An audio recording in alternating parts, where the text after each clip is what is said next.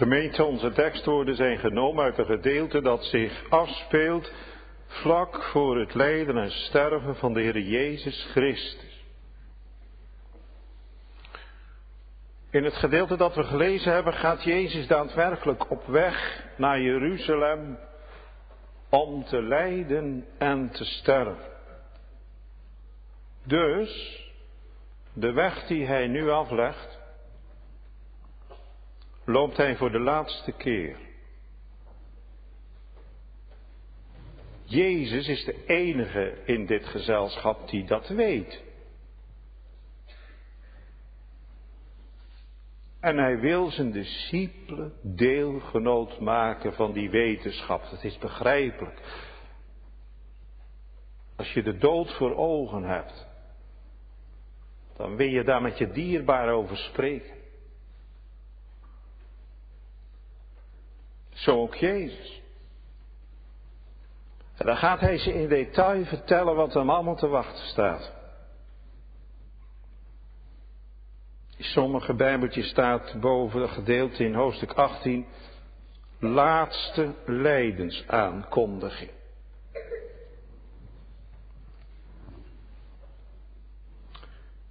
Hij zegt dat hij aan de heidenen zal worden overgeleverd. Hij zal bespot worden, smadelijk behandeld worden, bespogen worden, het wordt allemaal gezegd door hem. En hem gegezeld hebben, dan zullen ze hem doden. En, zegt hij dan, ten derde dagen zal hij wederom opstaan van de doden. Maar, dan zegt Lucas, tot twee keer toe in hoofdstuk 18, vers 34. Tot twee keer. En zij verstonden geen van deze dingen. En dan rondt hij af met te zeggen, dit woord was voor hen verborgen. Dus alles wat Jezus zegt met het oog op zijn bitter lijden en sterven, is feitelijk tot dovemans oren gesproken. Er is geen plaats voor. En dat heeft Jezus ook als zodanig ervaren. En wat is dat pijnlijk? Dat treft u misschien ook wel eens in uw leven. Als je met iemand iets wil bespreken en daar is geen plaats voor. Het wordt aangehoord, meer niet. Dit heeft zijn lijden ook verzwaard. Het niet verstaan worden, niet begrepen worden door je dierbaren, door hen die het dichtst bij je staan. En wij, zoals we hier zitten vanmorgen en staan, weten oneindig veel meer dan de discipelen hier op dit moment. Zij stonden hier voor al die dingen. Zij hebben het allemaal mee moeten maken. Maar wij, wij staan achter al deze dingen. De Heere heeft ons het Nieuwe Testament gegeven. En daarin staan al die dingen opgeschreven.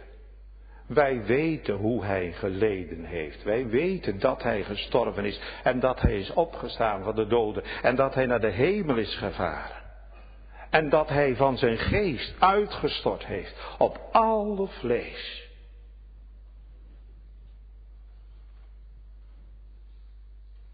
En hoe is dat nou met ons? Verstaan wij deze dingen? Dat moet je zelf afvragen. Weet je waar het over gaat als hier gepreekt wordt? Mag je de diepte van dat getuigenis kennen voor je persoonlijk hart en leven?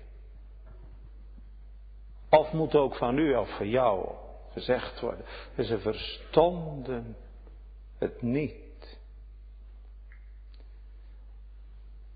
U die het wel mag verstaan, Dank God. Dat Hij uw hart daarvoor heeft geopend. Want zo bent u niet geboren.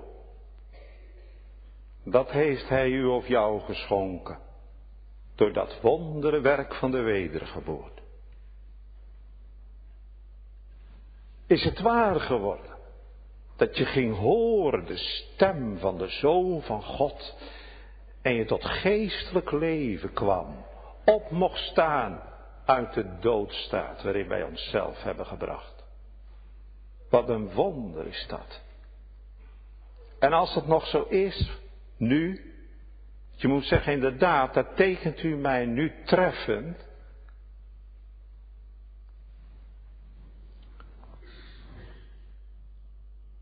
Dan is de prediking bedoeld om daar verandering in te brengen.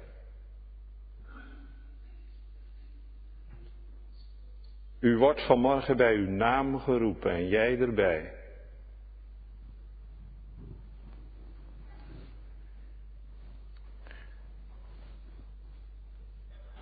Als je ziet hoe dat hier toe gaat. Het is de laatste gang van Jezus naar Jeruzalem. En hij kan maar niet laten om mensen zalig te maken. Ik heb hem een gebed verwoord dat zijn naam zijn wezen is.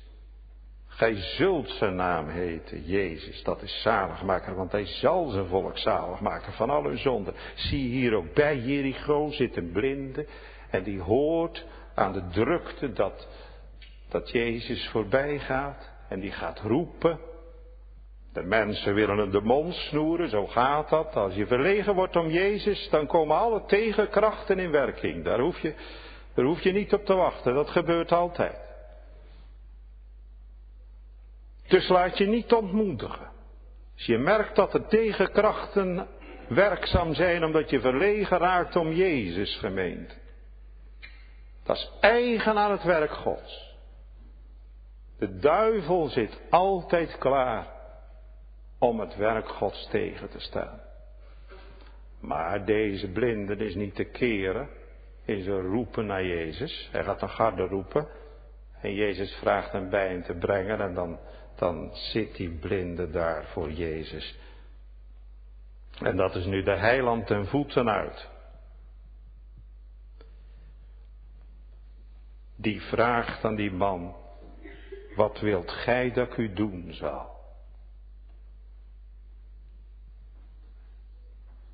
De zondagsmens is niet gekomen om gediend te worden, maar om te dienen. Dat zie je hier nu. Zeg het maar. Kan ik u helpen? Zeg het maar, gemeente van Rotterdam. Waarmee kan Jezus u van dienst zijn? Heere, dat ik van al mijn zonden verlost zal mogen worden. Nou, zeg het dan. Zeg het dan. Dat u mij zalig maakt, Heere Jezus, zeg het dan. Ik wil wordt zien. En terstond werd hij zien. Jezus zegt, uw geloof heeft u behouden. Hij geloofde dat Jezus hem ziende kon maken.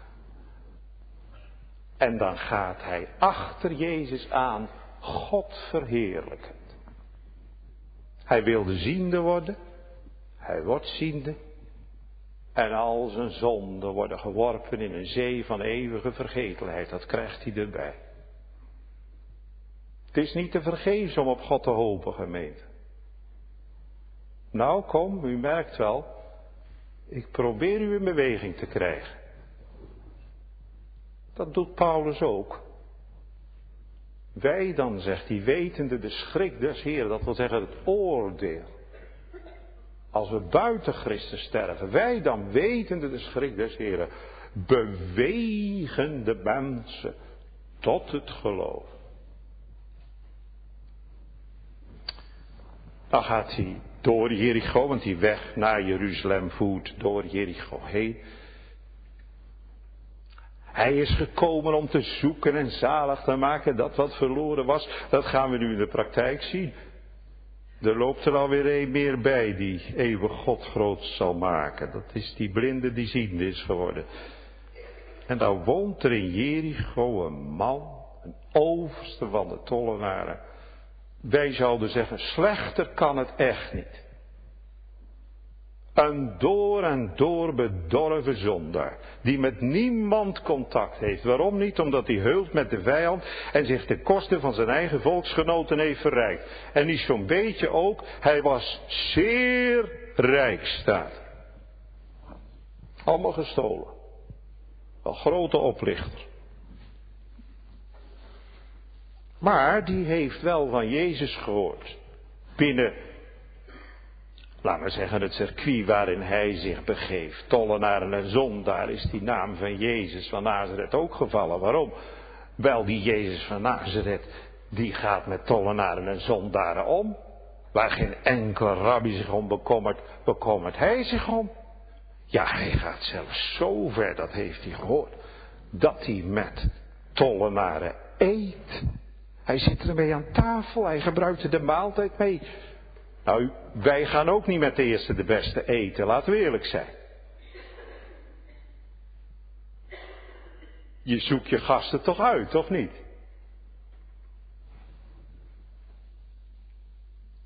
Om met een tollenaar te gaan eten, met zo'n verachte fakkel. Ongehoord eigenlijk. En vandaar dat die tollenaar Zacchaeus toch denkt, ik zal die Jezus wel eens willen zien. En jawel, hij hoort dat hij door Jericho zal gaan. Hij weet die weg. Is natuurlijk maar één weg naar Jeruzalem, dat kan hij missen. Maar hij durft zich niet onder zijn volksgenoten te vertonen, maar hij zorgt dat hij er op tijd is. En hij heeft zich verstopt in een wilde vijgenboom, een betrekkelijk kleine boom, maar met een heel dik bladerdak. En daar zit hij, niemand ziet hem. En hij gaat rustig zitten wachten, want hij wil Jezus wel eens zien. Wie die nou eigenlijk is.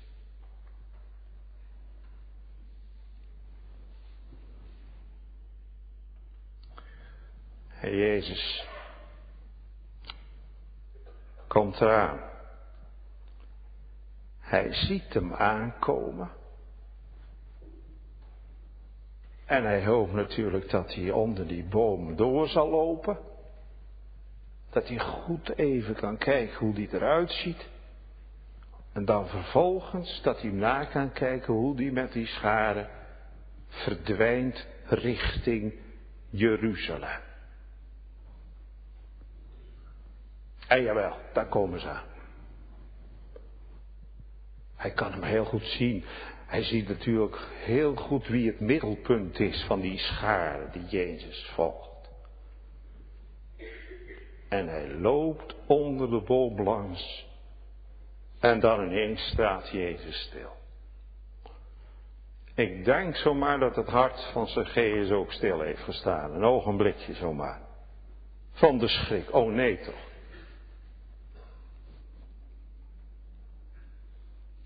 En dan kijkt Jezus naar boven. Er staat er in onze tekst. En hij aan die plaats gekomen zijn, die speciale plaats waar hij zat. Die kennelijk bij Jezus bekend was. Jezus heeft hem hier al in het vizier, heeft hem in zijn opzoekende zondaarsliefde in het oog. Jawel, Jezus zag hem. En daar ontmoeten die ogen elkaar. De ogen van Jezus en de ogen van Zacchaeus zien elkaar. Wat een moment moet dat geweest zijn. En hij zag hem. Zacchaeus wilde hem zien. Nou, hij krijgt hem te zien.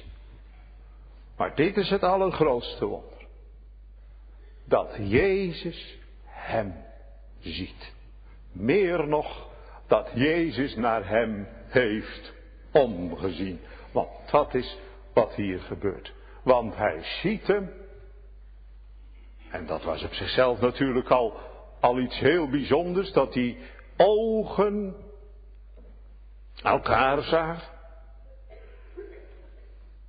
En dan, en dat moet voor hem geklonken hebben in zijn oren als iets ongelooflijks.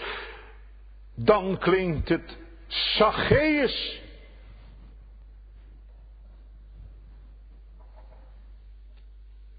Hij heeft Jezus nooit gezien. Hij heeft alleen maar van hem gehoord. En nu blijkt die rabbi van Nazareth hem te kennen. Hij noemt hem zelfs bij zijn naam. Hier wordt het woord van de profeet bevestigd. Ik heb u bij uw naam geroepen. Gij zijt mijn. Zacchaeus. Dat is wat als je bij naam geroepen wordt. Door de Heer Jezus. Wij zijn ook bij naam geroepen. Door de Heer Jezus. Voor de een is dat kort geleden. Dat zijn de kleine kinderen. Voor de andere veel langer. Laat maar bij mezelf blijven vanmorgen. Zestig jaar geleden. Toen bracht mijn moeder mij bij een doopvond. Bracht ze mij tot de Heere Jezus.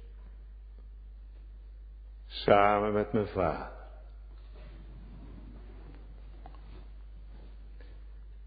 En daar heeft hij mij bij name geroepen. En zo is met u gegaan en zo is met jou gegaan. Jan Cornelis de Groot. Ik doop u in de naam des Vaders en des Zoons en des Heiligen Geestes. Amen. Het zal waar en zeker zijn. En toen die woorden werden uitgesproken, vloeide het bloed der verzoening over mijn voorhoofdje. Werd de belofte betekend en verzegeld, zichtbaar en hoorbaar. Het bloed van Jezus Christus, Gods Zoon, reinigt van alle zon.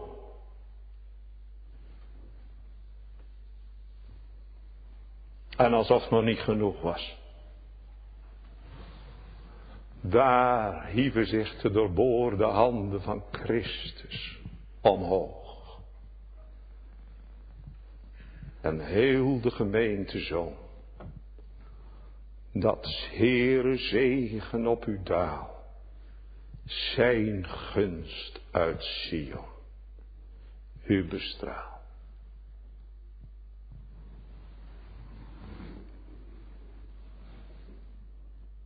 Ik heb u bij uw naam geroepen. Gij zijt mij. Heb je ooit zo je doop mogen verstaan?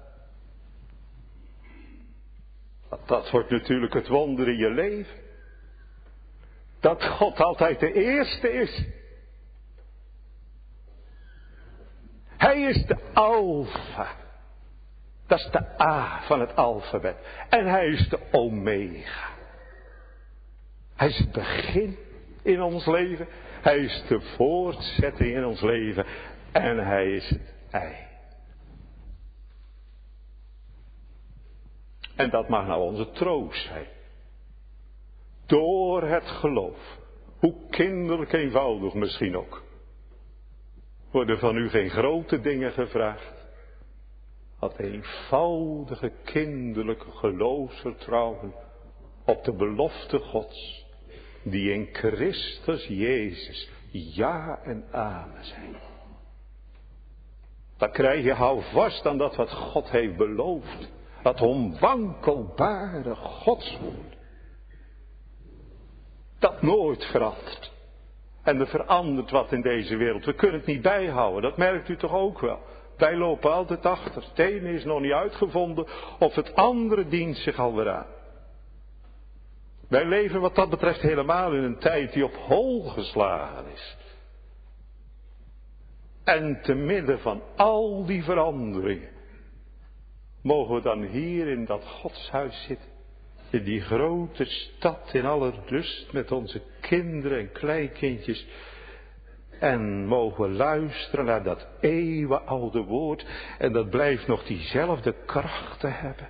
En nog diezelfde overtuigingskracht als twee of drie of vierduizend jaar geleden. Zacchaeus. Haast u en kom af. Ik moet heden in uw huis blijven. Heden. Nu. Als er in de Bijbel heden staat, is dat altijd van beslissende betekenis. Moet u maar eens opletten. Dat woordje staat er niet zomaar, heden. Nee, dat is van beslissende betekenis. Ik denk aan de geboorteaankondiging van deze zaligmaker. Ook zo'n beslissend moment in de wereldgeschiedenis. Als die neergelegd is in de kribben van Bethlehem en die herders in de velden zijn en ze toegesproken worden door die engel uit de hemel. Heden is voor u geboren de zaligmaker. Welk is Christus de Heer in de stad. En dan lezen we van die herders ook dat ze haast hadden. En ze gingen en ze kwamen met haast. Wel nu, haast. Haast jij. Haast ik mij. Ik moet heden, ik moet nu in uw huis zijn. Is wat? Je naam heel persoonlijk afgeroepen.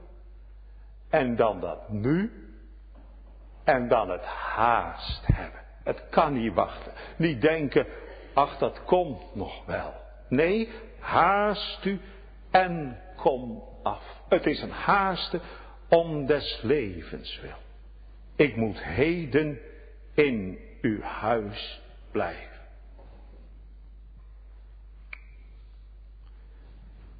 Is dit cruciaal in de prediking, denkt u? Ja, natuurlijk. Want het gaat er nu om of we luisteren of niet. Blijven we achter de bladeren zitten of komen we tevoorschijn? Het is net als in het paradijs. Adam en Eva zaten ook tussen de bladeren.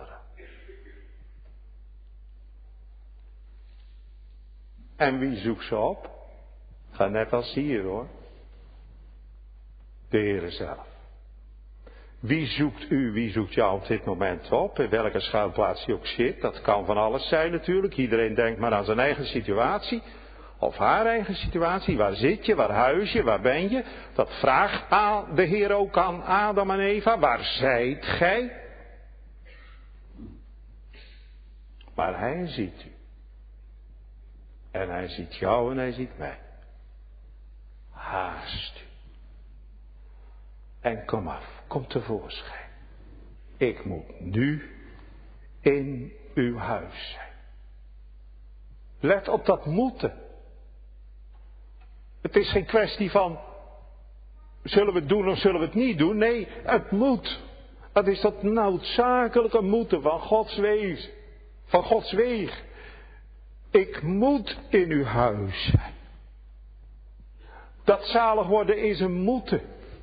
Daar is één naam onder de mensen, onder den hemel gegeven, door welke wij zalig moeten worden. Wat is het toch erg als we denken dat we vrijblijvend onder een preek zitten. Moeten worden. Ik moet heden in uw huis blijven. Dat betekent dat de Heer Jezus tegen Zacchaeus zegt, ik moet bij jou logeren. Ik moet bij jou in je huis overnachten. Dat betekent het. Dus het is geen kwestie van ik kom even bij je binnen en dan ga ik weer. Nee, ik ben vannacht bij jou. Er staat een paar versen verder dat die mensen zich daar juist zo aan geërgerd hebben. Alle die buiten staan murmureerden, zeggen hij is bij een zondaar naar binnen gegaan om daar te herbergen. Om daar te overnachten. Maar dat heeft Jezus bevolen, dat moet zo. Jezus wil bij hem in huis blijven. En zo wil hij ook vanmorgen dat er plaats gemaakt wordt voor hem. In u en jou en persoonlijk hart en leven. Dat was er bij die Zacchaeus niet, geen zins. Als dan Zacchaeus had gelegen, dan was hij in die boom blijven zitten totdat Jezus uit het gezichtsveld was verdwenen. En al die mensen. En dan veilig en wel op zijn eentje weer naar huis. En tegen zijn vrouw vertellen, nou ik heb hem gezien hoor, dat is een aardige man.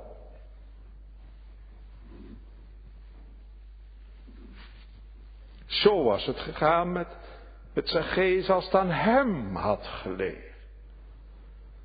En misschien gaat het vanmorgen ook alweer zo. Hij zegt, nou, ik vond het best wel een mooie preek, maar ik ga straks toch weer alleen naar huis, zonder Jezus. Maar dat is nou juist niet de bedoeling. Ik moet heden in uw huis blijven. Haast u en kom af. En dan luistert die man. Hij haast zich en hij komt naar beneden. Te midden van al die mensen die daar staan. Iedereen zit het. Wat een verbazing zal dat geweest zijn. Er komt daar ineens die, die, die, die, die Zacchaeus uit die boom zitten. Zeg. Wat doet die vent daar? Hoe durft hij?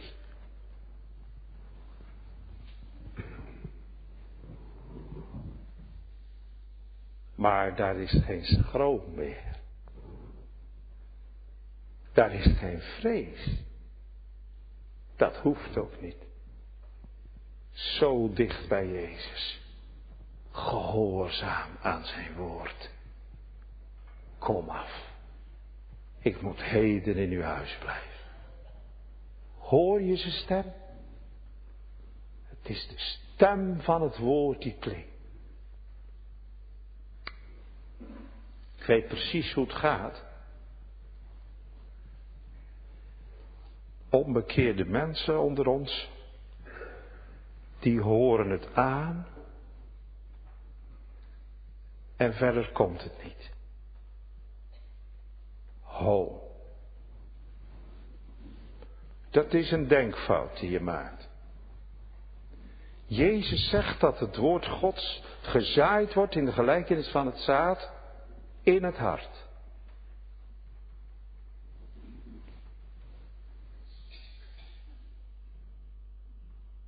Dus dat woord dat komt op dit moment in het hart terecht. En dan komen de problemen pas. Maar de Bijbel is daar heel duidelijk in. We hoeven niet in de hemel op te klimmen. We hoeven niet in de afgrond neer te dalen. Nabij u is het woord waar? In uw mond en in uw hart.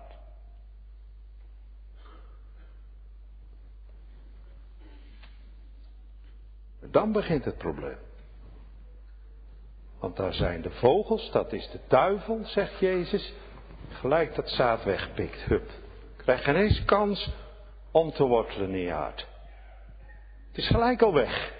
En dat is natuurlijk als je nu al gelijk aan dit woord voorbij gaat. De duivel die pikt het weg, geen kans. Bij de ander, jawel hoor, je wordt nu geraakt door het woord. Geweldig. En je gaat ermee naar huis en je praat erover en het verandert je leven. Maar na een paar weken, dan krijg je zoveel ellende op je nek. Dan vind je het eigenlijk niet zo fijn meer om, om God te dienen en al gaat als een nachtkaars uit. Of je wordt zo door de zorgvuldigheden van het leven in beslag genomen je hebt het zo druk op je school, je hebt het zo druk op je zaak, dat het ook geen kans krijgt om te ontkiemen. Wanneer heeft het zijn kracht gedaan? Als het vrucht voorbrengt, zegt Jezus. Bij de een dertig fout, bij de ander zestig fout en bij de ander honderd fout. Daar kun je het aan weten. Of de vruchten van het nieuwe leven zich openbaard hebben in je leven. Catechisme spreekt daar ook heel duidelijk over. Dat wij aan de vruchten van het geloof kunnen weten of wij gelovig zijn. En dat zijn vruchten die de Heer zelf schijnt. Uw vrucht wordt uit mij gevonden. Wij hoeven ons best niet te doen om vruchtbaar te zijn. Nee, die vrucht, die komt vanzelf. Door de Heilige Geest gewerkt in ons hart en in ons leven. Kijk maar eens bij deze man. Hij gaat met Jezus naar huis. Wie had dat ooit kunnen denken? Ze hebben hem nagestaard. Ze hebben het niet kunnen geloven. Nee, kijk nou eens, daar gaat hij toch met die, met die Zacchaeus naar binnen. Zacchaeus is kennelijk getrouwd geweest, want Jezus zegt later, Heden is deze huizen zaligheid geschied. En dan huis staat voor vrouw, kinderen, eventueel kleinkinderen, slaven, familie, misschien nog een moeder, een oude moeder of schoonmoeder. Kortom, de hele familie. Jonge vrienden, dat is wat geweest. Hij heeft waarschijnlijk tegen zijn vrouw gezegd, meid, ik ga even kijken of ik die Jezus kan zien, die komt langs vandaag. En nou komt hij binnen en dan zegt hij, moeder, ik heb Jezus bij me.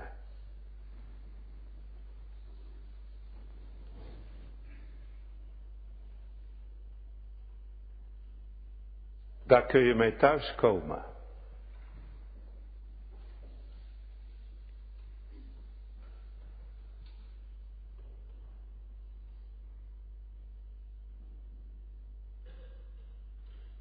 Dan is een nachtje overgebleven. Jezus is hier bijna aan het eind van zijn leven. En dan is daar een nachtje Jezus in Jericho. Voor Zacchaeus. Het zal met nachtje geweest zijn. Ik kan niet geloven dat die twee geslapen hebben. Het zal wel net zo gegaan zijn als toen hij aan het begin van zijn bediening stond. Dat is heel opmerkelijk. Toen kwam er geen slechte tollenaar. Nee, toen kwam er een vrome fariseer in de nacht bij Jezus. Die wou door niemand gezien worden, maar hij wou toch graag Jezus eens spreken. En dan komt hij bij Jezus en dan is hij welkom. En dan is Jezus heel de nacht met hem in gesprek. En dan spreekt hij over zijn komst naar deze wereld vanwege de liefde Gods. En dan spreekt hij over de wedergeboorte, die geboorte uit de geest, opnieuw geboren te worden. En dat heeft zijn kracht gedaan. Dat woord is in zijn hart gezaaid die nacht. En we weten wat dat heeft betekend voor hem. Want hij is bedekt een kind van Jezus geworden en gebleven. Totdat Jezus is gestorven, dan komt hij er vooruit. Samen met zijn medebroeder. Jozef van Arimathea dan gebeurt er iets. Dat is ongelooflijk. Twee fariseërs voor het oog van heel die godsdienstige meute. Zie je het gebeuren? Die zetten daar een ladder tegen het kruis van Jezus aan. Daar hangt een gevloekte. Een Jood mocht absoluut geen dode aanraken. En dan een gevloekte dode die aan een vloekhout is gestorven. Vervloekt is en eigenlijk aan een hout hangt. Zie het gebeuren? Twee fariseeërs klauteren tegen het kruis van Jezus op. En ze omhelzen hun zaligmaker, een dode zaligmaker. En iedereen mag het zien hoe ze daar in alle liefde van het kruis afhalen. En hem meenemen. Die gaan ook met Jezus op pad. En een dode Jezus. Maar ze brengen hem waar hij zijn moet. In een graf waarin nog nooit iemand gelegd was. En dan leggen ze al hun liefde in die begrafenis van die dode heiland. En daar zitten vrouwen naar te kijken. Vol verdriet. Vol van liefde. Een nachtje Jezus aan het begin van zijn ambtelijke bediening. Voor Nicodemus tot een eeuwige zegen. Een nachtje Jezus aan het einde van zijn ambtelijke bediening. Tot grote zegen voor zijn geest. En Jezus gaat maar door, want hij kan het niet laten. Straks dan gaat hij weg. Straks gaat hij weg. Lichamelijk gaat hij weg. En dan gaat hij naar Jeruzalem. En we weten het. Op dat kruis gaat hij gewoon door met zalig maken. Dan krijg je ook weer dat cruciale woordje heden tegen die moordenaar. Eigenlijk nog een grotere slechterik als deze man, dat was een terrorist. Nou, dat spreekt ons helemaal aan vandaag de dag, een terrorist. Een man die bestemd was voor Guantanamo B.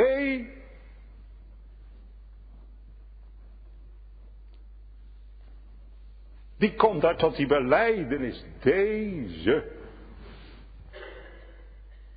Hij heeft niets onbehoorlijks gedaan. Maar wij dan. Wij hangen hier rechtvaardiglijk. Heere, gedenk mij. Als geen uw koninkrijk gekomen zult zijn. En dan gaat hij door met dat heerlijke werk. Heden. Hij, om, hij omhelst hem, ook al, ook al zijn zijn handen vastgespijkerd. Hij omhelst hem. Heden zult gij met mij in het paradijs Daar op dat kruis wordt beoefend. Hij kussen mij met de kussingen van zijn mond. Hooglied liefhebbers.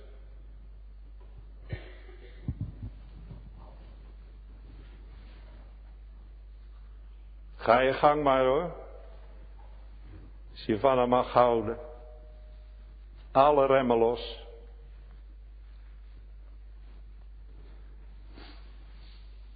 Hij is ervoor. Om zaligmaker te zijn. Om je van al die vuiligheid, je leven soms zo te neerdrukken, vrij te maken, te verlossen te reinigen. Ik moet heden in uw huis blijven. En dan gaat hij weg. De andere morgen.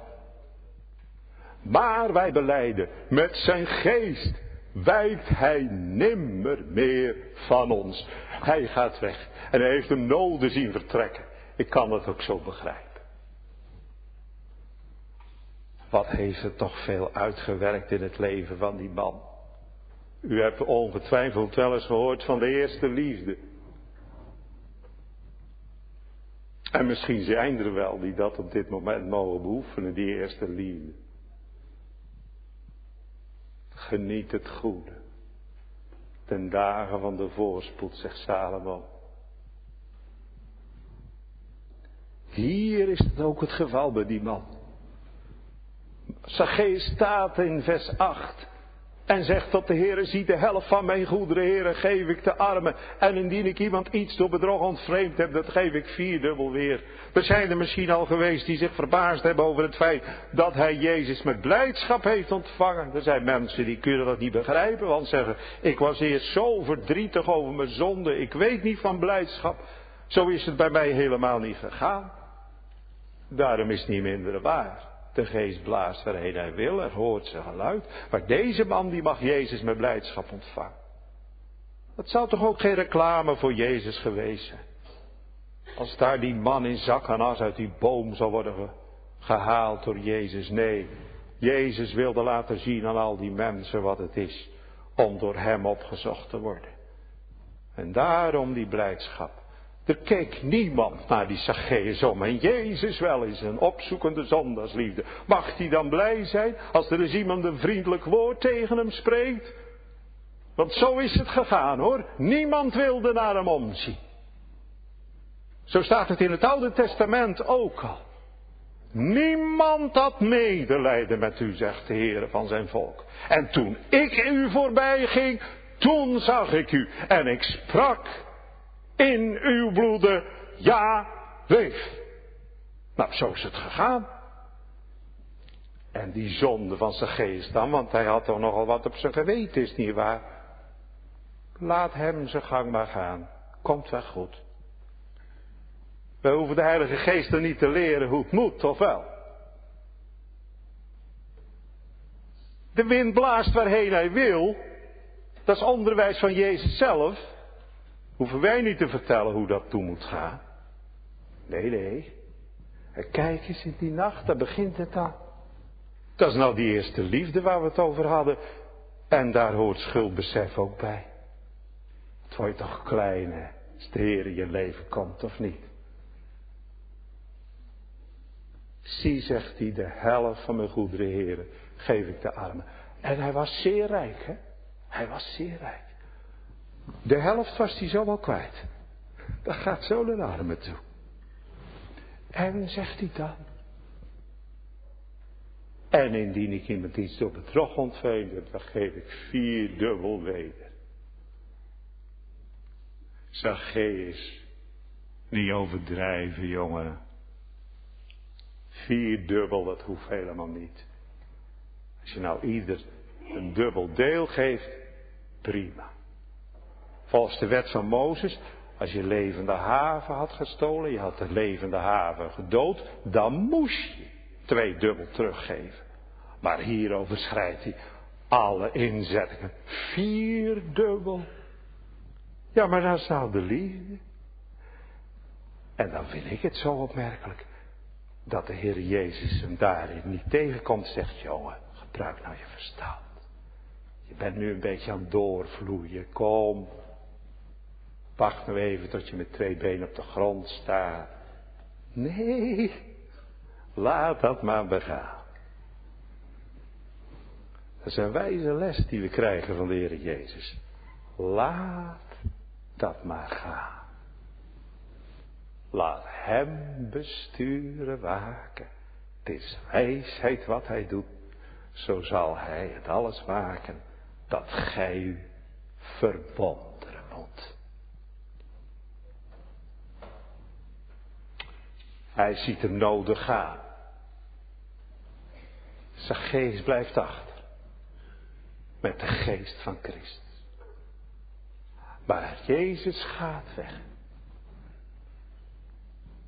om de prijs voor geest te voldoen.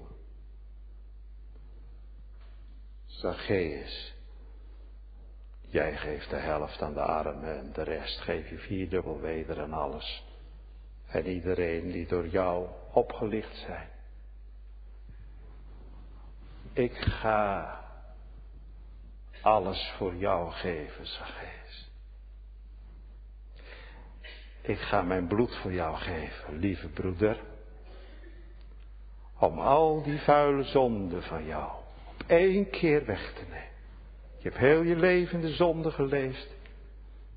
En nou ga ik door één offer aan al die zon volmaakt wegnemen. En dan gaat Jezus zo ver dat hij zegt, Heden, zegt hij tegen hem, hè? Tegen zijn geest. Heden is deze huizen zaligheid geschied. Na de maal ook deze zoon van Abraham is. Wat een getuigenis. Zie je nu de ruimte van de bediening van het verbond? Hier wordt Abraham genoemd. Abraham's zaad stond buiten tenminste, dat dachten ze, daar riepen ze zich op. Wij zijn Abrahams zaad. Nee, zegt Jezus, deze deze is het zaad van Abraham. Want dit is het ware zaad van Abraham. Die in hem, dat is in de Heer Jezus Christus, geloven. Denk aan Galaten 3, vers 7. Zo verstaat gij dan dat degenen die uit het geloof zijn, Abrahams kinderen zijn. En vers 9, zodan die uit, het geloof zijn worden gezegend met de gelovige Abraham. En wat gebeurt daar buiten? En alle die het zagen murmureerden, zeggende, hij is tot de zondige man ingegaan om te herbergen. Het zogenaamde Abrahamzaad zat er te mopperen en te vervelen buiten. Maar in dat huisje zelf is Jezus en de zaligheid niet alleen voor zijn geest, maar voor dat hele huis. We kennen dat wel terug op meerdere plaatsen in de Bijbel. Denk aan Lydia, die eenvoudig acht nam op het woord dat van Paulus gesproken werd. Ze werd gedoopt en haar hele huis. Stokbewaarder hetzelfde verhaal. Een man die gereed stond om een eind aan zijn leven te maken. Die komt tot het geloof in Christus. Hij wordt gedood. En zijn hele huis. En hier, heden, weer dat cruciale heden, hè? Heden, nu. Er gebeurt dus iets beslissends. Nu is deze huizen zaligheid geschied. Zul je niet klein denken over dat verbond. Wij worden niet automatisch zalig, dat weet u ook wel. Alleen door dat geloof in de Heer Jezus Christus. Wat is het daar goed geweest in dat huis van Zacchaeus. Ja, de Heer Jezus moet maar bij het thuis komen. Nou, zal die meegaan straks? Hij heeft het gezegd. Hij heeft je bij je naam geroepen. Heden moet ik in uw huis blijven. En u weet, hij gaat nooit meer weg. Jezus zegt op een andere plaats, spreekt hij over zijn hemelse vader en over zichzelf. Wij zullen komen en woning bij hem maken. Die zalige intrek van de Vader en de Zoon in ons persoonlijk hart en leven. En nu gaan ze nooit meer weg, kinders heren.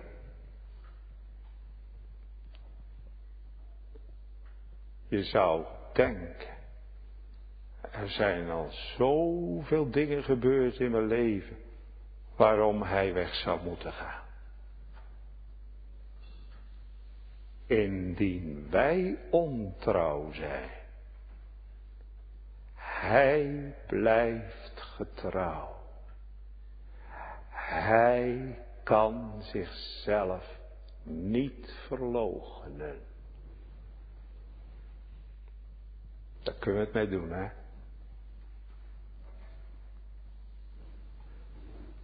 Neig uw oor en kom tot mij. Hoort en uw ziel zal leven. En ik zal een eeuwig verbond met u maken. En ik zal u geven de gewisse, de zekere weldadigheden.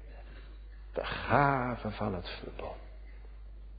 Van David, van die grote Davidzoon. Dat is de vergeving van zonde. En het eeuwige leven.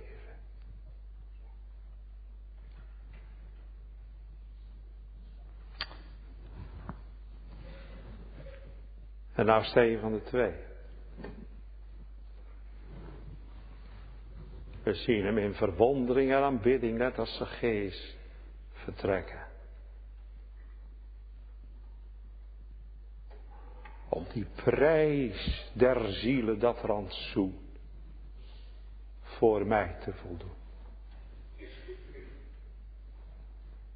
En dan roep je na, zulke is mijn liefste. Zulke is mijn metgezel.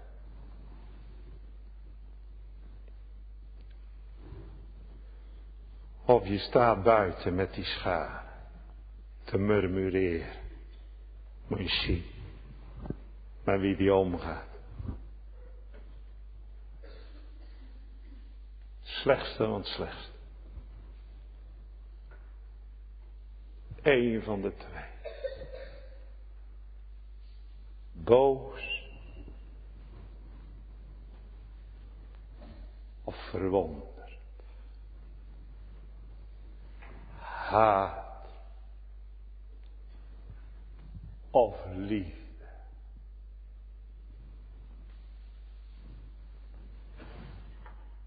God weet het. Amen.